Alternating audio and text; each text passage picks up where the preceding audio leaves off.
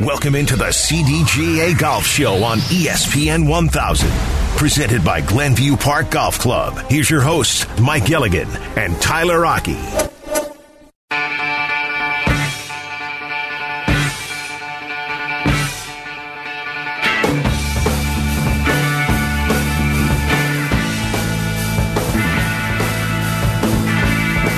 Welcome into the CDGA Golf Show here on ESPN 1000 on 100.3 HD2 and the ESPN Chicago app. Tyler Rocky and Mike Gilligan. We talk golf with you every single Saturday here on ESPN 1000 all the way through the Ryder Cup. If you want to join us, 312 332 3776. This segment is brought to you by Fox Bend Golf Course.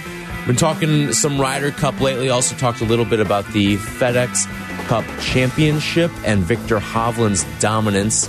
We'll see Viktor over in Rome after his run through the PGA Tour this year. But you look at how the U.S. figures to set up against uh, the European team. And I think one of the reasons why you're seeing Justin Thomas on this team, as well as Brooks and, and a couple other names, but it's it goes back to the phrase you're only as strong as your weakest link. And the weakest link on the American side, from a what we saw this year standpoint, is Justin Thomas, who has a winning record in the Ryder Cup. The weakest link on the European side is going to be someone that, in all likelihood, the average golf fan has never heard of before and is ranked outside the top 100 in the world. Like, you're not getting that on the American side. You are getting that, and you may be getting a couple of those names on the European side because of the fact that you're not going to see LIV golfers on the European side. That's exactly you. You couldn't have put it any better. And I think it's for that reason that there is a incredible void on the European team this go around as a result of LIV. So, is LIV going to help the Americans win the Ryder Cup? Maybe. Um, but to your point, one of the guys that's currently fourth is uh, a gentleman by the name of Yannick Paul. If Yannick Paul makes the team, which in all probability he will, he'll be ranked 109th in the world. And our highest ranked player, or lowest ranked player, I should say, depending on how you look at it, is Justin Thomas at 26th. So they are going to have players after they get through their core handful of players between Rory, Rahm, you know, and and Viktor uh, Hovland. You know, maybe you throw in a Tommy Fleetwood, maybe you throw in a Shane Lowry, but after that, oh, it falls quick. Robert McIntyre, who's a, who's going to make the team, 55th in the world, and he'll be one of their top players. So they are not going to be deep, folks. And as a result of missing the core villains, those four you mentioned, you put those four with these guys. Now I am very concerned about our chances going Mm-hmm. over there. You remove those four, and now you're sticking in a bunch of rookies who have never seen Ryder Cup from their perspective, even though they'll be on their home soil, but they do not hold a candle to our players. Well, even even to Justin Thomas. And, and you think about it too, like if this, imagine if this year's event was played on American soil too, Oh, you'd be talking about one of the all-time blowouts. It could be. in this event. Yeah, and it's a saving grace that this thing is over on their soil this year, given what has happened with LIV and the effect that it's having on their ability to pick their team. Um, I wish it wasn't that way. I really, this is going to be for me personally one of the weirdest Ryder Cups without Fleetwood, Polt. These are the guys I grew up watching with this thing, and unfortunately, this would have been, I think, a really evenly matched go. Um, and it would be really hard for bettors. But I think the the uh, I haven't seen any of the lines, but I we have to be heavy favorites. I would think, or at least favorites. Maybe not heavy again because we're traveling there, but you know, pound for pound, man for man, our team is much deeper. And I think that's what's going to allow us to be victorious over there. Let me see if I can find a line on this. Yeah, if anything's out there, but yeah, it, it's it's going to be one of those. All right, Ryder Cup 2023. You've got the U.S. as a minus 115 favorite, Europe plus 130, and a tie at 12 to one right now. So Yeah, I think uh, you take those odds if you're again, it is something that they haven't accomplished in 30 years. But this is as prime a year to do it as ever because of the Yeah. fact that you're not playing on a level playing field this year because of the the omissions that have been forced upon the European team. And I think being able to get, you know, strategic like Captain Johnson is and really trying to give them a taste of their own medicine of what they've been doing to us and we do it back going over there with a cohesive experienced very successful group in this format match play understanding four ball understanding alternate shot. I got to tell you folks if you've never played alternate shot go on out and try it. This weekend take go mm-hmm. into your foursome and say you know what? We're going to do something different. And watch how hard that format is to execute. And try to play it without saying the word I'm sorry or the words I'm sorry. Anytime we play this format, I have a rule right at the first tee. I do not want to hear one apology because I know you don't want to hit it where you just hit it if it's in a bad spot. I get it. But to have it's it's a hard and the pros will tell you it's really really hard format. So I just think that having uh, a team that really knows itself inside and out in the locker room, our tendencies on the course, what we like, what shots we prefer to hit versus what we want to try to avoid is going to go a long, long way. And if I'm Captain Johnson, my strategy is if I'm picking JT, I'm all in on JT. With the first match of the morning on Fridays is going to be alternate shot. The Americans, being the guests, are going to hit the first ball of the entire Ryder Cup matches. And I would make it Justin Thomas. I'd put him out there first.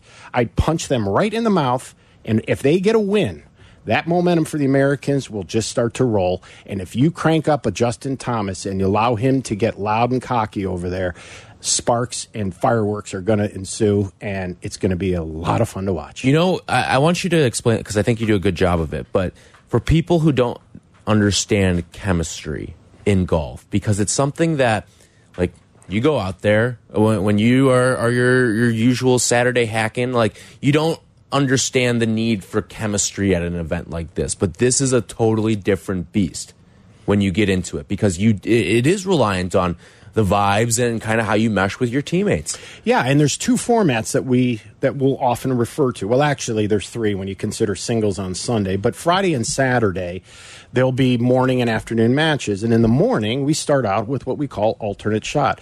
In other words, there's only two golf balls in play for the four for the guys. Mm-hmm. So if you and I are a team, you know, we got to make a decision based on par fives, you know, and the course setup.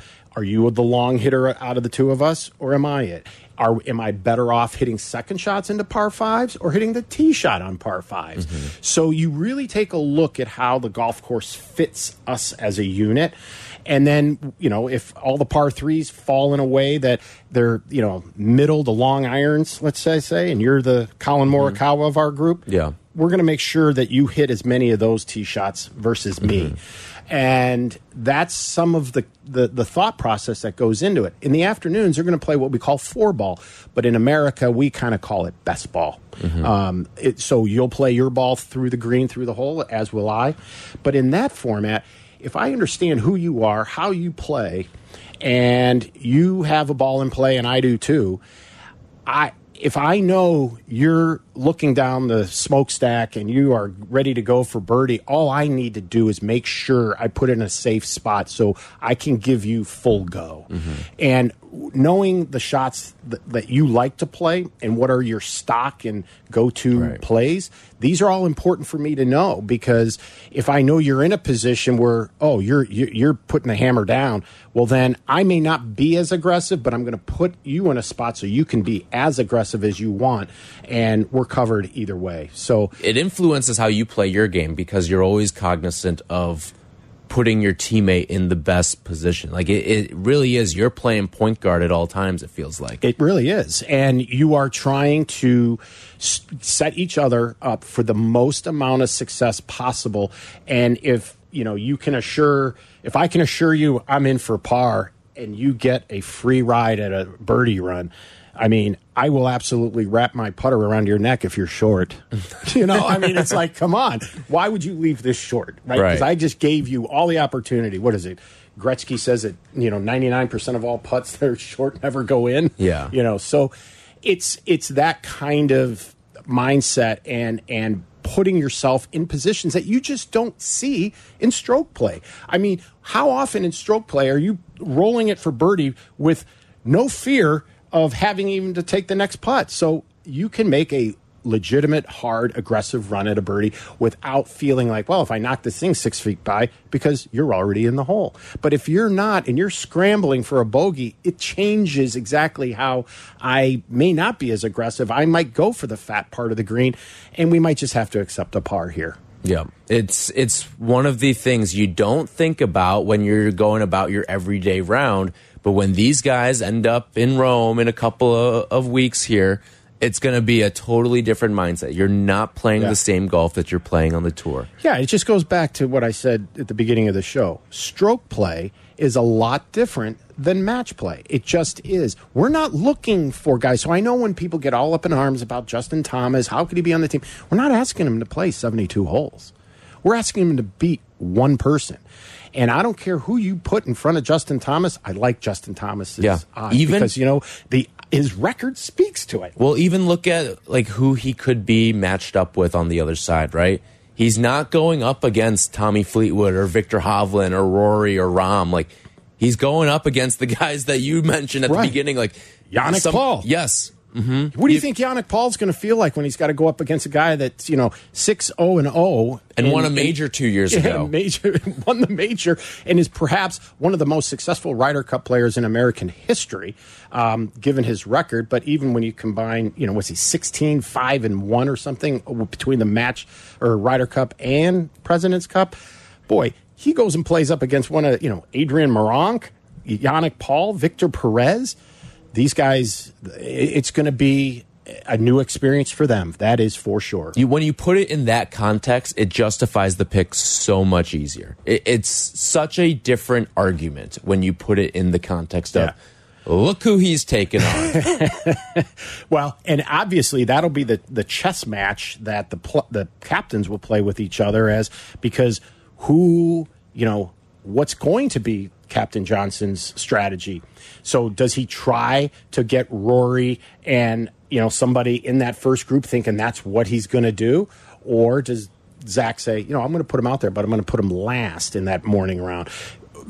Zach is trying to get that matchup. Zach wants Justin against any of these newbies all throughout the weekend. Mm-hmm. He wants that because there becomes the intimidation factor. You mean we got to go up against Spieth and Thomas? I mm-hmm. mean, you know, it, it reminds me of the story. it's JV versus varsity. It, it is. It really is. And the pressure that these guys feel to give you the quick illustration in 1993 when Tom Kite was the captain, Davis Love and his partner. Um, Davis was it was morning of the Ryder Cup Friday to get started, and they were going to go out in the first group. And uh, Kite told Davis, "Well, I got you. You're going to hit him on all the odd holes." And he said, "Okay." And he walked away, and then it dawned on him, I have to hit the very first shot of this entire thing. he went back and pleaded with Kite to give him the evens. And Kite saw right through what he was trying to do. And he said, Davis, just sit back, rely on you, all your experiences, you'll be just fine.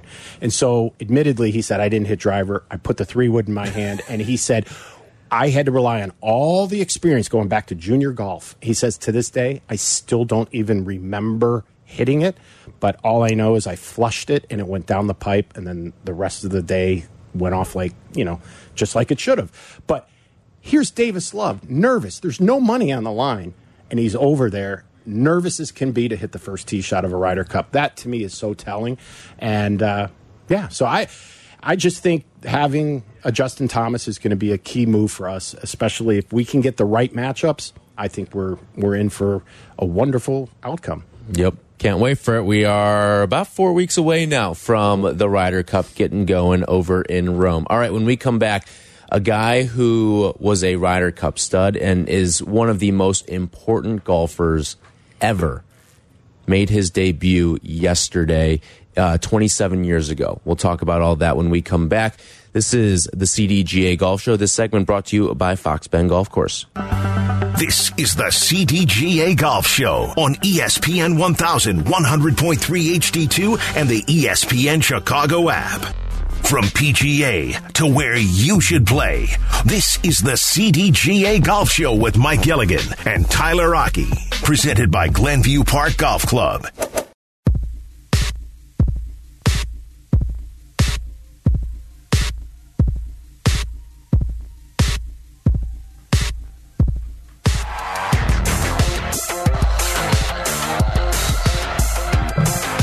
This segment brought to you by Golf Elgin, home of Bowes Creek Country Club and the Highlands of Elgin. This is a big anniversary week in the world of golf because one of the biggest icons, not just in all of golf, but in the history of sports, made his professional debut. I guess. Hello, world, huh?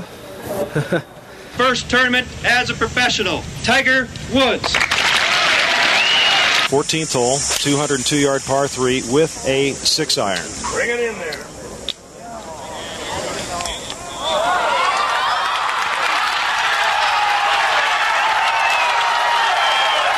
The ninth hole in one of his young life. Yeah, that's yours.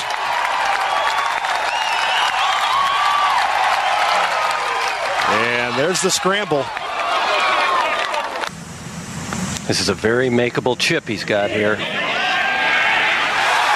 Oh, that's better. The short holes haven't been. Uh, Well, he's had trouble putting it in. Now he chips it in.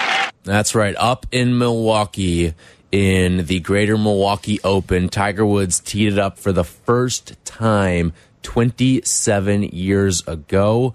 And you heard like right away, the highlights were on. He, he had an ace on in his first tournament. He had a chip in from off the green. I mean, he was everything as advertised in that first tournament. People got their money's worth for sure. No doubt. And from there, it just kept ascending upward in a way that allowed him to become the first billion dollar athlete in 2009. But what was more amazing, what he did at Milwaukee, to me, he set a precedence that no other golfer has ever done in his life. And that includes the likes of Hogan, Palmer, Trevino, Nicklaus before he actually put the ball on the peg for the first shot as a professional, he had already $60 million in the bank account mm-hmm. because that's how revered and regarded he was. Because you have to remember, he had just won the U.S. Amateur in August. Yes. And it was at that point that the Stanford coach looked at him and said, Tiger, there's no reason for you to keep playing in college. and so he actually endorsed him to to leave Stanford early, and he did. And you know, the rest of it is history. But you know, a lot of players when Tiger first came out, a lot of players were very, very envious, very jealous of him um, because they felt it somewhat unfair that he was set up in a position where all he was wired to do now is to win. He didn't have to worry about making quote a living, you know, and you know Chip Beck always got criticized for laying up at you know the 15th hole at Augusta when you know most people would go for it but his point was well look I you know second or third gets a heck of a nice payout so he's trying to make a living where Tiger it was always full go. I'm going for everything. I'm trying to win, and that's what this is all about. Being in a position now to win majors, and uh, you know, obviously, that's how we judge a, a guy's career, whether it's Hall of Fame, you know, worthy or not. But Tiger was in that position, and early on, there was a lot of animosity of the players towards Tiger. But as Tiger proved that he was worth that and a bag of chips, then all the players started to realize this guy's the real deal. He is special. He is not only generational, but it could be lifetime Yeah. of a, a- type of individual like this that is so very talented, so very special, and so very prepared to win at the highest level. And then he started becoming more of uh, respected by the players, then feared. And all Tiger had to do was show up, and the fear was there, especially donning the red shirts that he started to Yeah. do. So it was just, it's an amazing evolution of watching how Tiger started out as a young boy and where we are today, but it all got started professionally. What was it, 27 years ago? Yes, 27 years ago. And so, So- um, first billion dollar athlete you mentioned, right? Mm-hmm. How much do you think he made on his first professional paycheck from this tournament? How much do you think Tiger Tiger netted? He already had 60 million in the bank account, so there wasn't a lot of stress financially, but but this is how much he made. So let's see. Okay, this is prior to Tiger influence to the purse. Correct. Mm-hmm. So I'm going to say thirty thousand dollars. Way overshot it. Bob Barker would not be. He is rolling in his grave right now. He made two thousand five hundred forty-four dollars. Wow. Wow, and it's almost not worth his time. In, comparison to, you want to know how much Jack Nicklaus made in his pro debut? This is 1962. Uh, the only reason I think I know this is because we made the exact amount on my pro debut $33. $33.33. You Yes. get that for working two hours at McDonald's. Yeah, now. I just got the 33. He made 33 s- more cents than I did. Mine, unfortunately, was in an Illinois am, Illinois assistant per event up at Glen Flora, but his was obviously mm-hmm. out on the real tour. Yeah, but yeah, so twenty five hundred dollars for him in his first event, and I mean he he wouldn't even bat an eye. Like for some pro players, like that is that's a big deal. Eh, First event, and obviously yeah. now the purses are way different thanks to Tiger Woods, but. It's just one of those things that it, it shows you how much he changed the game to the point now where you look at Viktor Hovland this past week, he got $18 million for his accomplishments from the season. 26 years old, and he got an $18 million bonus last Saturday or last Sunday. It's just amazing. And again, you talk about the Tiger influence, the Tiger factor, or the Tiger effect. And it comes in all ways, shapes, and forms. And, you know, managing, you know, all the Ryder Cups and PGA championships that we did, we always had to be on notice of where Tiger was, when was he arriving, when was he leaving, because of the impact from a gallery perspective on silly, dumb things like concessions. As he would come through the golf course, he would absolutely, the crowd that followed would just destroy every concession stand in its way. And then it was, we need a restock over here at 14 because if he happens to come back at 16 or 17 on his way through, it's going to happen again. And so the Tiger effect went for everywhere from the influence on the money to endorsements and what we're endorsing and who's getting in the endorsement game to the effect on concession stands at a at an event. Tiger Woods, we got to grow up and watch him. We're so close to watching everything that he did that I don't really think that we truly have an appreciation for everything that he has done for this game just by being Tiger Woods. Right. And the way that he, this has always been the most fascinating part for me with Tiger, and especially in a sport like golf where you have longevity, right? I mean, 27 years later, I get it's it's not frequently now, but he's still playing. Mm-hmm. He bred his competition. Yep. Absolutely bred his competition. Everyone wanted to be a Tiger. It's the same thing you could say uh, to a degree about Michael Jordan, but Michael didn't face a lot of the guys that he bred. Tiger faced is facing guys that weren't even born. He's right. playing in groups with guys who weren't even born by the time he had teed it up for the first time. Well, like Viktor Hovland wasn't born Mm-hmm. when Tiger hit his first tee shot. That to me is And what they played in a, a Masters grouping together, I believe. Yeah, they have. And that's the amazing part. And and I you know, Tiger's now at a point in his life that I now look at him a bit differently than, you know, he was nothing but just so dialed in and had blinders on. To me, as he's gotten a little bit more mature in his life and, you know, the, the life that he's had, he's now with kids and looking at life a lot differently. And I and I just think that Tiger is enjoying the the fruits of all of his labor, but more than anything else, I think he's now beginning to realize the effect he really had on all these young superstars that are coming up. I mean, they all admired and wanted to be like him. And it's it's just amazing at what he has done for this game in ways that I would have never thought that one individual could have such an impact and he has and it's it's amazing and you know I'm I'm thankful and grateful the fact that I got to witness it in my lifetime because there are people that are, you know, young now saying, Who's Tiger Woods? And you're like, Are you kidding me? Yeah. You don't know who he is? And it's kind of like, No, I've heard of him, you know, but they're, they're they're not watching him anymore because he's not playing and they're starting to get into the game. So it's it's interesting to see the the byproduct of everything that he has contributed and given and earned for this game but it all got started 27 years ago professionally yesterday. What is your favorite Tiger Woods moment? It's been 27 years of them that we've had since then. 312 332 3776. We'll take all your calls when we come back. This segment brought to you by Golf Elgin, home of Bowes Creek Country Club and the Highlands of Elgin. The CDGA Golf Show will be right back. This is the CDGA Golf Show on ESPN 1100.3 HD2 and the ESPN Chicago app.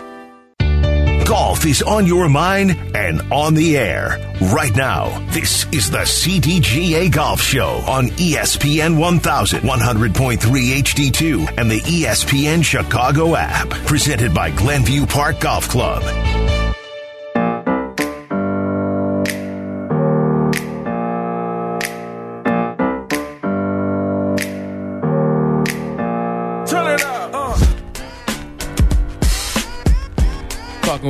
Here on the CDGA Golf Show, your favorite Tiger moments. This week, 27 years ago, he teed it up for the first time professionally up at the Greater Milwaukee Open. If you want to join us, 312 332 3776. This segment is sponsored by PGA Tour Superstore. Visit any of our Chicagoland locations today. They've got four right now, soon to be five. Orland Park, Downers Grove, Schaumburg, Vernon Hills, and a new one opening in Lincoln Park in September on September 16th. So two weeks from today, uh, there will be a new one. I, I've driven by. I drove by it the other day, and I I saw the signage, and I'm like. Has there always been a PGA Tour Superstore here, or have I been missing out on this? No, they're opening up in two weeks, so I have not been missing out on it. But you can right off the Fullerton, um, off the Fullerton exit on 94. And we'll be so- broadcasting from there in two weeks. Yep. Uh, 312 332 3776, talking about your favorite Tiger Woods moments. It's a, a lot that you can certainly pick from. Oh, yeah. Uh, I'll let you start here because I'm sure you've got quite a few. Well, the one that I immediately think about, well, the two, well, three actually. The hole in one at, you know, the waste management um, immediately comes to mind. But early in his career in 1997 at the Mercedes, back when they had the Mercedes Championship, um, it was a rain shortened event, and it was ended up because of the poor weather they had on Sunday. They had to make it a 54 hole event. And at which point, Tiger Woods and Tom Lehman had the lead and they were tied. So they needed them to come out on Monday and have a, a sudden death playoff. And it was going to start on a par three. So the rains were still there. It was raining as I mean, raining hard too, by the way. And Tom Lehman hit first and pulls it into the water. Um, Tiger, as we find out later, when he warmed up at the range, he only hit one club. It was a five iron. And so the announcer said, Well, this shouldn't be anything too dramatic. He's probably just going to fire this into the middle of the green and basically win the tournament. He stuck it to like three and a half inches. And one swing, that's all it was, and he wins the tournament. So that was pretty wild. The Bell Canadian Open, the second shot at 18, when he was in a bunker and had to make the thing go out and literally make a right turn and finished within, again, inches of the hole, um, or the the top three in my mind, because one of them was from the tee, one of them was out of the bunker, and um, well, both actually from the tee because uh, the the par three sudden death, but um, but in different formats, sudden death, not sudden death, in the routine of a uh, an event, and then the 18th coming home to win. So um, Tiger has demonstrated shot making abilities of all kinds and all sorts different places on the golf course at different times on the golf course. So uh, yeah, a bit there is an infinite number of great shots that this guy has. Well, you know what Phil Knight's favorite one is, Oh. and that is, that is 2005 16th hole at the Masters. That was pretty when the Nike logo is sitting there and you see it Freeze drop frame. in. Yep, and they they they tell the story too. The uh, CBS nearly cut away from it because Mm. That's they true. thought the shot had stopped. Stopped. They nearly cut away from it, and they they used their instincts at the last second to to stick with it for one of the most iconic shots in golf history. For me, it'll always be the the 2019 Masters and him just walking up that 18th fairway, and with him come the masses as well. Um, just because I think it kind of goes and tells the essence of Tiger. Just when you thought he was out, he he has one more run in him That's right. and it, it, we got to a point where we thought we would never see another Tiger Woods major win. We we didn't even know if we'd see Tiger Woods on a golf course ever again. And there he comes out to the 2019 Masters and goes out and wins the thing. Like that entire experience, that entire 4 days was just quintessential Tiger Woods and everything that we had gone to see from him over the course of his career. Yeah, I mean, and the his career is without question the greatest of all time um, as far as the many of the accomplishments. Yes, Jack will always have more majors. Um, and at this point, it looks like uh, he may not get the total wins record, but overall, his dominance is second to none. The only area, though, as we keep talking about Ryder Cup, he was not all that great a Ryder Cup player. I mean, he was average. He was okay. I mean, in 37 Ryder Cup matches, his record is 13, 21, and 3. So again, um, I think early in Tiger's career, he had a tough time building that chemistry with players. He was good individually, but then who really played well with Tiger? Right. And who had the mental capacity to play with Tiger? Because yeah, it's a different beast when you are talking about these team events and like his stardom sort of alienates him. It does. And and it's something that up until recently you you didn't see the charisma of Tiger that you see now where everyone on the tour loves him. There was a, a, a long stretch where people just feared him because Feared him? because he was not the nicest guy Nope. to deal with on the tour. and it carried over into the locker room. And it was, you know, when you put Tiger on your Ryder Cup team, it came really at a cost because of it. Just like you said, Tiger created a fear factor, an intimidation factor, even for his own teammates. And I think if if Tiger was as he is now. Early in his career, his Ryder Cup record would be entirely different. You'd see the record flip. You really would. Um, nobody could get comfortable playing with him, and it was just that simple.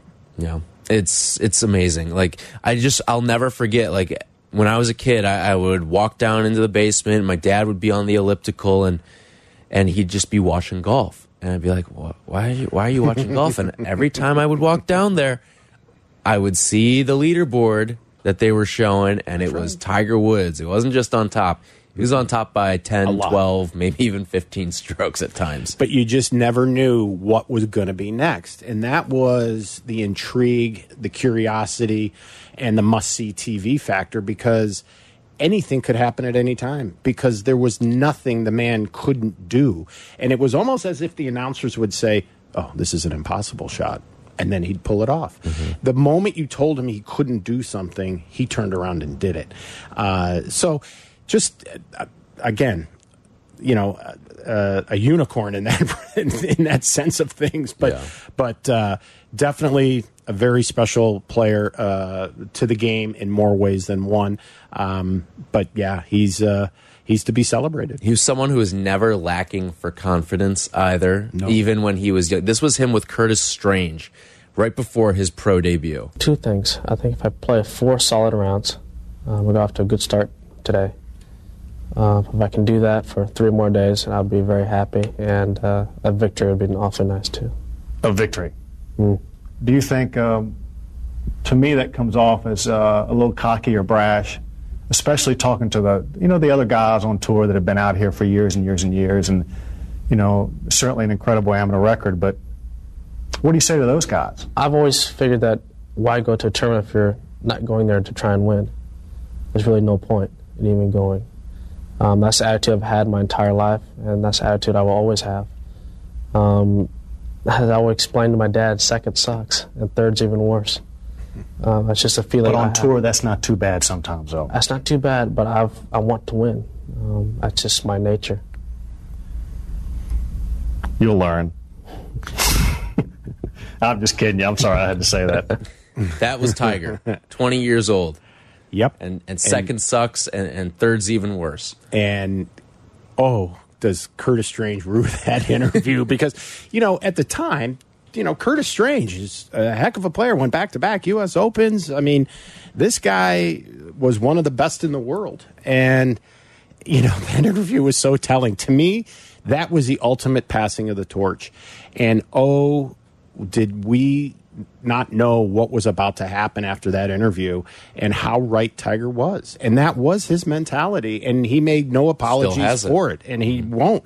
And it was because of that that he could face, you know, in an interview, Curtis Strange in the Golf Hall of Fame, multiple major winner, um, an icon in his own right.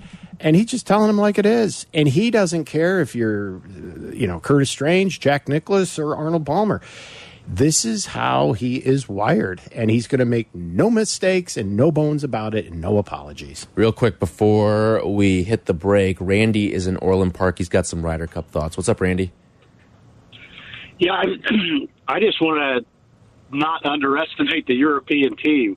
They might may not be as deep right? But i mean they've got Rahm and rory and fleetwood's playing great. Tyrrell hatton's dangerous. Matt fitzpatrick you know, Hovland obviously is probably the best player in the world at the moment. And, you know, you got four guys that sit out every uh, foursomes and four ball events, so they don't have to be as deep. And if they get a they get on a roll, they they could be tough to beat. And our a lot of our guys aren't putting very well. Scheffler, Scheffler, Morikawa, yeah. um, you know, should Justin be on the team? I mean, who knows, right? So uh, I, I just want to you know, that's kind of my thought. I mean, I hope we win, obviously, but a little more nervous about it than uh, cocky, I'll tell you. That's fair. It's That's something so that, fair. and Randy, it's something that hasn't happened in 30 years. Yeah, The, the Americans winning on European soil. So Randy's right. I mean, Randy has every right to be concerned because the record shows we don't do well over there. But what I do like is we're becoming change catalysts and how we are approaching going over there this time. And to me, that's going to be the difference. Um, are our best players playing their very best right now? Maybe not, but they've got a few weeks to hopefully correct some things and, and, and get themselves into a, a mental place which is strong and confident. Um, but he's right. They do have a core of really, really good players. Um, now, very top heavy. very top heavy. But yes, they do get to sit guys out, but you can't sit all these other guys out all week. You just can't. And you can go to the well, but you can't tire these guys out because you could at the hurt them when it really matters most is on the singles. So if you put guys out and they play morning, afternoon, morning, afternoon, by the time they get to Sunday, they could be you know mentally and physically fatigued in a sense um, when it comes down to the mano y mano for one point every single match 12 matches out there. So you have to be a bit careful. And if somebody on their team one of these good players starts to have a bad you know week or weekend themselves they could find themselves on the bench. And then the europeans have to rely on that youth. So you know, should we be concerned? Absolutely. This is no lim- gimme layup by any stretch of imagination.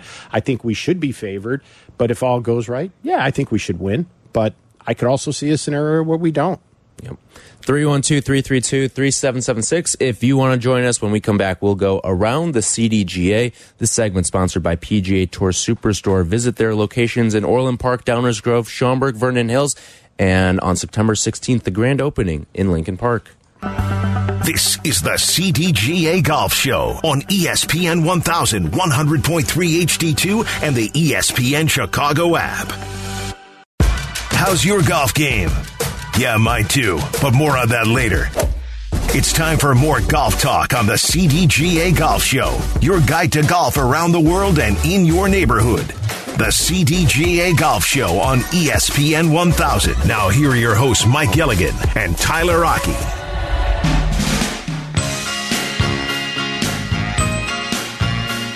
Thank you to Charlie Bevins for producing today's show. This segment brought to you by Cog Hill Golf and Country Club, a pure golf experience. Time to go around the CDGA. Mike, what is happening this week? Well, there's actually a lot going on. Um, first and foremost, hopefully everybody is enjoying the the August edition of uh, the Chicago District Golfer. Um, we are in a brief pause as we head into the month of September here with our championships and various finals on both our tournaments and social competitions. So, with that being said, we only have um, a couple of uh, events left before the championships all begin, and one of them is a great member day opportunity. And what is a CDGA member day, you ask? Well, if you're uh, you become a member at Flossmoor Country Club for the day, so on September 11th we had to reschedule due to rain. We have eight spots, eight. Uh, spaces uh, left. We have 92 players. We were going to have 100. So if you want to join us on September 11th to play what I think is one of the best country clubs in our district, Flossmoor Country Club, then go to cdga.org and uh, 150 bucks get you a green fee, cart, lunch at Flossmoor Country Club on Monday, September 11th is a 10 a.m. shotgun. Um, and then also, due to the excessive heat we had two weeks ago, we had to postpone the final of the four person scramble qualifier up at Sunset Valley um, to Monday, September 18th, where we will send six teams to the finals at Bowes Creek and later in September. So if you have a foursome of friends that you want to put a team together, you could still enter the Sunset Valley qualifier. Just go to cdga.org. For CDGA member perks of the week, you always remember you've got the Jersey Mike's $2 off any sandwich um, at any Chicagoland Jersey Mike's. Phillips Park Golf Course out west. CDGA members, you can take advantage of a member offer of two players, 80 bucks, Monday to Friday before 3, and that includes green fee, cart, and a large bucket of balls. Uh, the Highlands of Elgin. CDGA members can play Monday to Wednesday before noon for 59 bucks, including a cart, and that'll go through September 27th, and the offer is only not good on uh, Labor Day.